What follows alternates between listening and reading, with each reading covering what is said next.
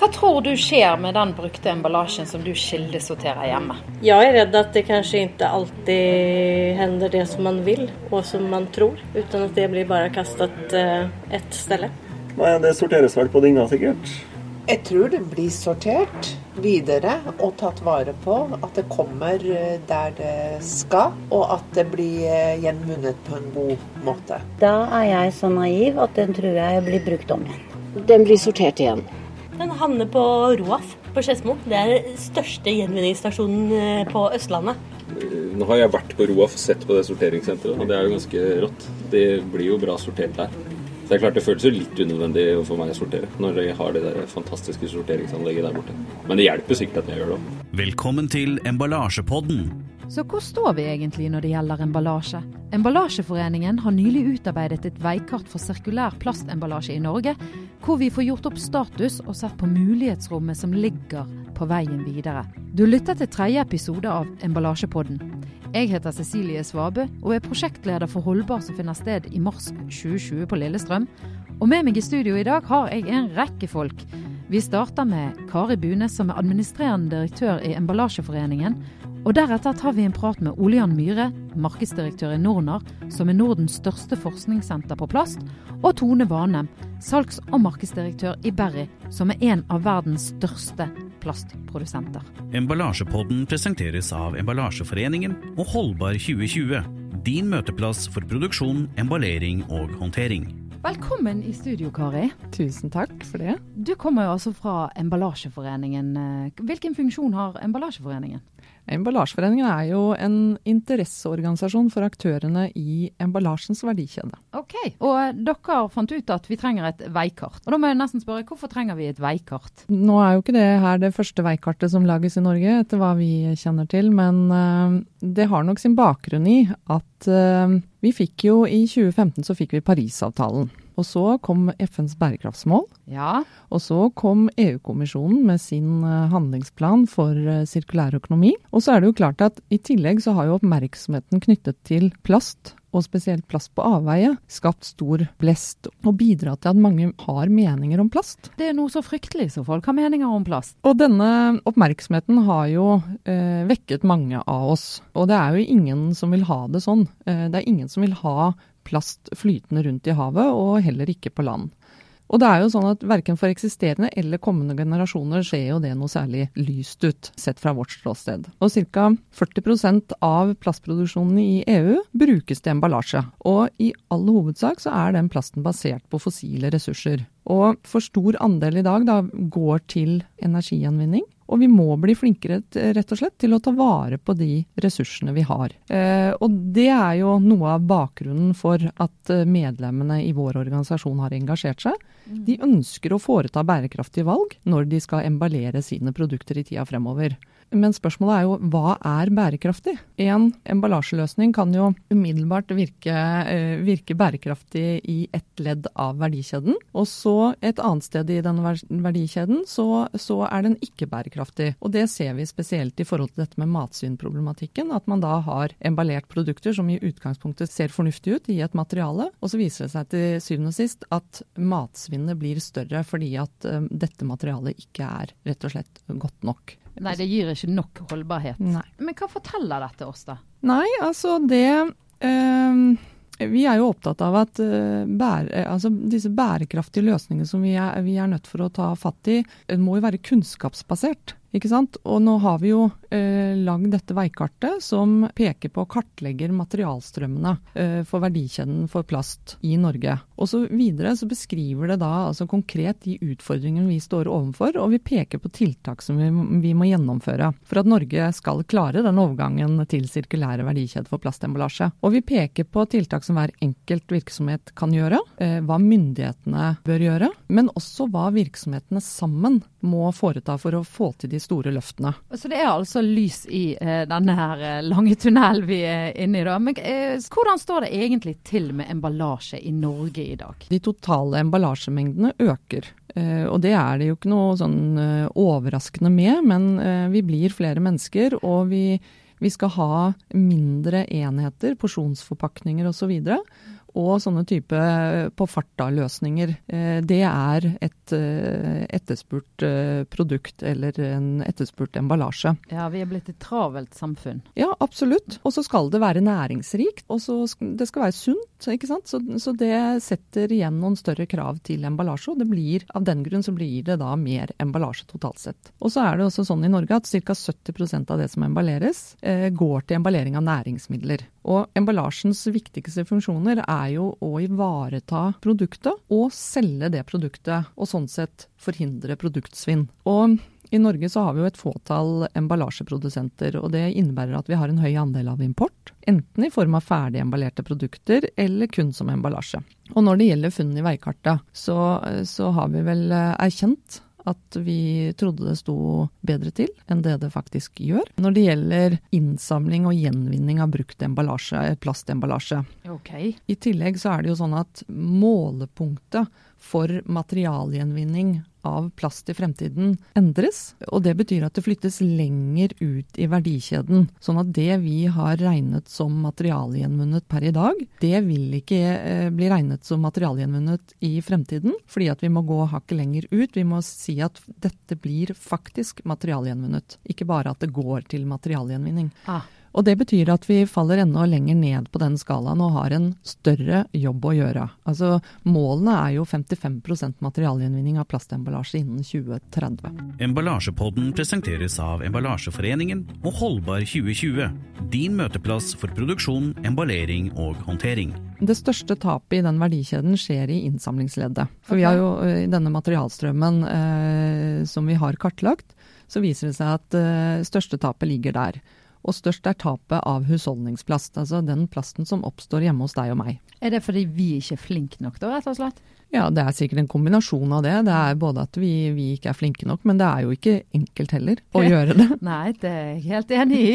Det er en så, utfordring. Det er det, og så er det ulikt om du er på hytta eller om du er hjemme eller om du er på jobb. ikke sant? Så det er, det er utfordrende. Jeg forstår at den vanlige mannen i gata har eh, problemer med å vite hvor man skal gjøre av den plasten. Men tapet er også stort for næringslivet. Så det ligger et betydelig potensial i å forbedre innsamlingen innenfor begge disse områdene. Ok, og da må jo jeg bare spørre, hvor viktig er det faktisk med arenaer med fokus på dagens og ikke minst fremtidens produksjon og emballering og håndtering? Vi tror jo at faglige nettverk og møteplasser er viktigere enn noen gang for de som er i denne verdikjeden. Og vi har jo f.eks.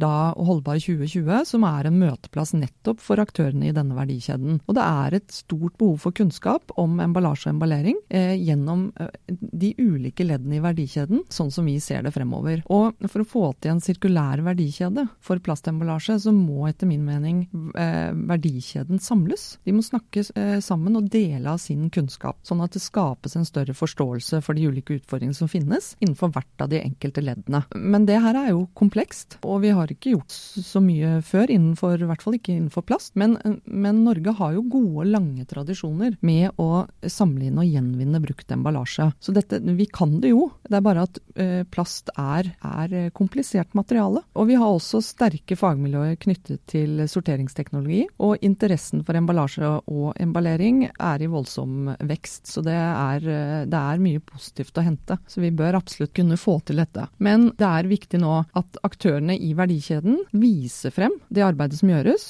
Det være seg på messer og andre faglige arenaer. Fordi at det jobbes jo hver dag med denne emballasjen. Det er jo i prinsippet ikke sånn noen bruker mer emballasje enn det de strengt tatt trenger for å ivareta produktet og få mm. solgt det. Kanskje de som mest, har mest fokus på dette, er jo nettopp de som lager dette produktet også. Ja, ja. Det kan jo være at den menige mann i gata gjerne ikke helt tenker over. Absolutt, og det tror, det tror jeg jo. Fordi det er jo mange meninger om emballasje og om plast. Ja, så det, det er rett og slett som du sier, vi må bli synlige, og vi må snakke sammen. Er du god på å resirkulere hjemme? Ja. Du har koll på det meste? Nei, Jeg vet ikke om jeg har kontroll på det meste, men jeg følger i hvert fall retningslinjene. Mat, plastikk, papir, glass. Ja, kjempegod. Så godt det lar seg gjøre? Nei, ofte litt latt. Papp går i papp. Plast og aluminium har vi ikke noe opplegg for i mitt hus. Ja, Sånn medium. Ja, det kun, kan bli bedre. Veldig. Og det jeg har mest av, er plast. Jeg sorterer det jeg får beskjed om å sortere. du lytter til Emballasjepodden Da har vi hatt et lite sceneskifte her i studio. Um, Kari Bunes er gått ut, og inn har jeg fått Ole Jan Myhre, markedsdirektør i Nornar, Nordens største forskningssenter på plast. Og Tone Vanem, som er salgs- og markedsdirektør i Berry, eh, altså en av verdens største plastprodusenter. Eh, jeg kan jo først spørre deg, da, Ole Jan. Eh, er det for mye plastemballasje i dagens samfunn? Det er jo veldig mange som mener, men emballasjen har jo da en funksjon. Eh, og det er mange produkter som trenger å få en beskyttelse. De skal sendes, de skal transporteres osv. Så, videre. så er det godt mulig at noe av plasten kunne vært erstatta med andre materialer, f.eks. papir. Og vi ser at det er jo også en, en dynamisk eh, endring kanskje mot papir i visse sammenhenger. Fordelen med plast har jo alltid vært at det er et veldig sterkt, lett vekt og veldig rimelig materiale. Slik at uh, det er mange gode grunner til å bruke det. Om det er for mye, det er et uh, litt komplisert spørsmål, men i mine øyne så er plast det beste alternativet. Og Tone, uh, hvorfor mener du vi bruker så mye plast? Det er fordi at det egner seg veldig godt som emballasje. Det er jo sånn at det er lett formbart, det er lett å transportere.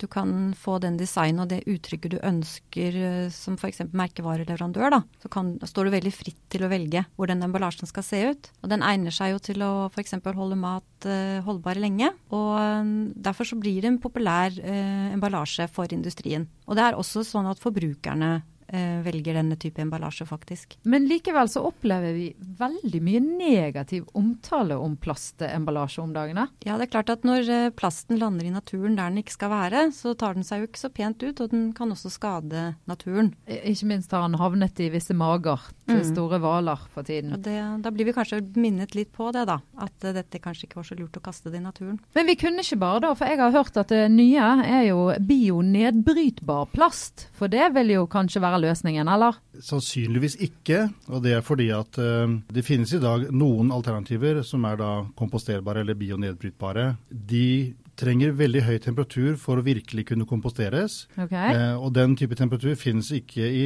norske skoger, så de vil ikke dekomponere i norske skoger på mange, mange år. Og enda verre, hvis det kommer i havet, så løser de seg ikke opp i vann. Så de vil være like lenge i vann som en vanlig plastartikkel. Ok, Så det er ikke kanskje så smart allikevel, da? Nei, altså vi mener det at eh, komposterbar plast det er et viktig bidrag til familien av plastmaterialer, fordi det kan være fornuftig for visse ting. I ørkenen i Las Vegas? Nei, der er det for tørt. Der er det for tørt? Der er det ikke bakterier i det hele tatt. Ah. så det må inn i en kompostsituasjon for å liksom bli eh, komposterbart. Um, og det er jo ikke alt, alle steder, så det må også samles inn, og det må også da deponeres i en kompost, uh, ja, industrielt eller noen annen type komposteringssystem. da. Men, jeg hører det ikke enkelt dette her, også, Men trenger vi egentlig plastemballasje inn i fremtiden da? Ja, jeg tror det personlig absolutt. Jeg tenker at uh, hver og enkelt produsent og, og industri må tenke på emballasjeoptimering. Passe på at vi bruker den emballasjen vi trenger til det formålet den skal være, og at vi ikke f.eks. bruker tyngre materialer enn det vi trenger. Og det er spesielt for plasten. Så det er mye vi kan gjøre for å bruke mindre plast. Jeg merker jo f.eks. at chipsposene nå er blitt eh, mye mindre. Før var de jo dobbelt så store mm. bare for å late som det var mer innhold. Det har vi gitt oss med. Ja, så det er, det er, sikkert mye vi kan ta tak i der, og jeg vet at det også gjøres. Men jeg ser veldig dårlig for meg hvordan vi skal forhandle i, i dagligvaren f.eks. i fremtiden uten å ha tilgang på plastemballasje. Emballasjepodden presenteres av Emballasjeforeningen og Holdbar 2020. Din møteplass for produksjon, emballering og håndtering. Men så har du jo svenskene, da. De uh, ypper seg og sier det at uh, innen 2030 så er vi fri for uh, fossil emballasje. Som da betyr plastemballasje. Er det mulig for oss her i Norge? Um, det finnes jo fossilfri plast, bioplast. Så det er jo noen som vil velge det, f.eks. Så det er jo en måte å bli fossilfri på og likevel produsere av plast. Og så finnes det nå også ny, nye emballasje fiber og papp og, og, som også kan velges, som også er fossilfri. Men eh, det kommer litt an på hvilket segment du ser på. Uh, det er nok noen som vil få det til, og så er det andre som uh, F.eks. hvis du skal transportere farlig gods, da, så egner også uh, plastemballasje seg veldig godt. Men du nevner altså bioplast. Mm. og Det er et reelt alternativ. Ja. Og det kommer vi til å få nok av? altså Vil det erstatte plast? Jeg tror ikke det er nok bioplast i verden. Det er Det er det vi kaller feedstock, da. Altså det kommer jo til å, å, å være der, og det kommer til å være et, et, et, tillegg til eh, fossil plast, men jeg tror ikke det kan fullt og helt erstatte det. Og bioplast lar seg resirkulere som vanlig plast? Ja. Så det går inn i samme verdikjeden, da? Mm. Så vi har kunder som har valgt det på sin emballasje. Spesielt de som kanskje øh, har et bioprodukt, da som de ønsker å, å selge, de syns det er naturlig å ha en bioemballasje rundt eh, produktet. Mm. Men jeg vil gjerne bare skyte inn når det gjelder svenskenes ambisjon om 100 biobasert eh, plast. Um, hvis vi da tenker på det veikartet som uh, Emballasjeforeningen har stått bak, så viser den at når det gjelder emballasjeforbruk i Norge, så er det på ca. 220 000 tonn. Sannsynligvis globalt i dag ikke mer enn 200 000 tonn som produseres av biobasert plast, eller bioplast. Så det kreves en veldig stor investering på produksjonsleddet av plastmaterialer og, eh, og på en måte føden til denne plastindustrien. Den, den kreves, det kreves mye der for å få eh, det store volumet opp og gå. Eh, også for Sverige. for Regner med Sverige, som er dobbelt så mange mennesker, har dobbelt så høyt forbruk. Ja. Um, så de er kanskje på over 400 000 tonn plastemballasje. Så de må, de må, jo virkelig investere. Noen må investere fryktelig mye penger i Sverige for å få tilgang på den bioplasten. Men de mener men, at de skal klare det? Ja, te og teknologisk er det fullt mulig. Ok. Men det kreves store investeringer. Eh, vi snakker om multimilliardære investeringer for å få det til. Hvis vi i Norge skulle gjort det samme, når, hvilket hvilket tidsløp ser vi for oss da? Jeg regner med 2030 kommer for kjapt? Nei da. hvis eh, Norge bestemmer seg for at det skal vi ha, så er det fullt mulig innen 2030 å få det til. Absolutt. Men noen må legge milliarder på bordet. Og Skal de milliardene være lønnsomme, eller skal de være samfunnsnyttige? Hvordan skal beregne lønnsomheten på det? Det er ikke enkel nødt til å knekke dette, hører jeg. Men hvordan er det da for dere som jobber med plast i dag? Det er morsommere enn noen gang, ja. faktisk. Fordi at um, um, nå har vi muligheten til å ha et publikum som virkelig er interessert i å vite hvorfor har vi plast, hvor, er, det, er det bra med plast og ikke osv. Nå har jo egentlig Eh, samfunnet vårt vært vant til å bruke plast i årtier uten å kanskje reflektere så mye over det. Vi har vel alle kanskje hatt en sånn holdning om at ja, plast er billig og det er ikke så bra. Eh, men nå får vi muligheten til å prøve å forklare at plast er ja, det er billig, det er lett vekt, men det er det beste alternativet vi har til emballasje tilgjengelig i verden i dag. Eh, og det er moro å kunne gå rundt og fortelle til folk. Selv om ikke de tror alt vi sier, så mener vi at vi har teknologien og kunnskapen på plass til å kunne stå inne for en sånn påstand. Jeg syns det er veldig spennende å få være med på Jeg har bare jobbet i plastbransjen et års tid, så jeg syns det er veldig spennende å få være med og bidra til en sirkulær økonomi og se hvor eh, godt vi kan få til dette, da, når vi sier at uh, dette er en verdifull ressurs vi faktisk har. Denne plast, uh, brukte plastmaterialene er en verdifull ressurs. Så hvis vi kan få det inn i en sirkulær økonomi, så syns jeg det er en veldig spennende tanke. Det er jo veldig interessant å tenke på at det kan være en lukket krets der framme. Mm. Jeg har også en kommentar til dette med om vi bruker for mye plastemballasje. Mm -hmm. Fordi at eh, det er jo klart at vi er som forbrukere da, så er vi fornøyd med å kunne gå på Kiwi eller Rema eller hvem som helst butikk, og så kjøper vi de produktene vi vil ha. Og så må den helst være da innpakka i noe. Så man kan så spørre f.eks. trenger vi cola?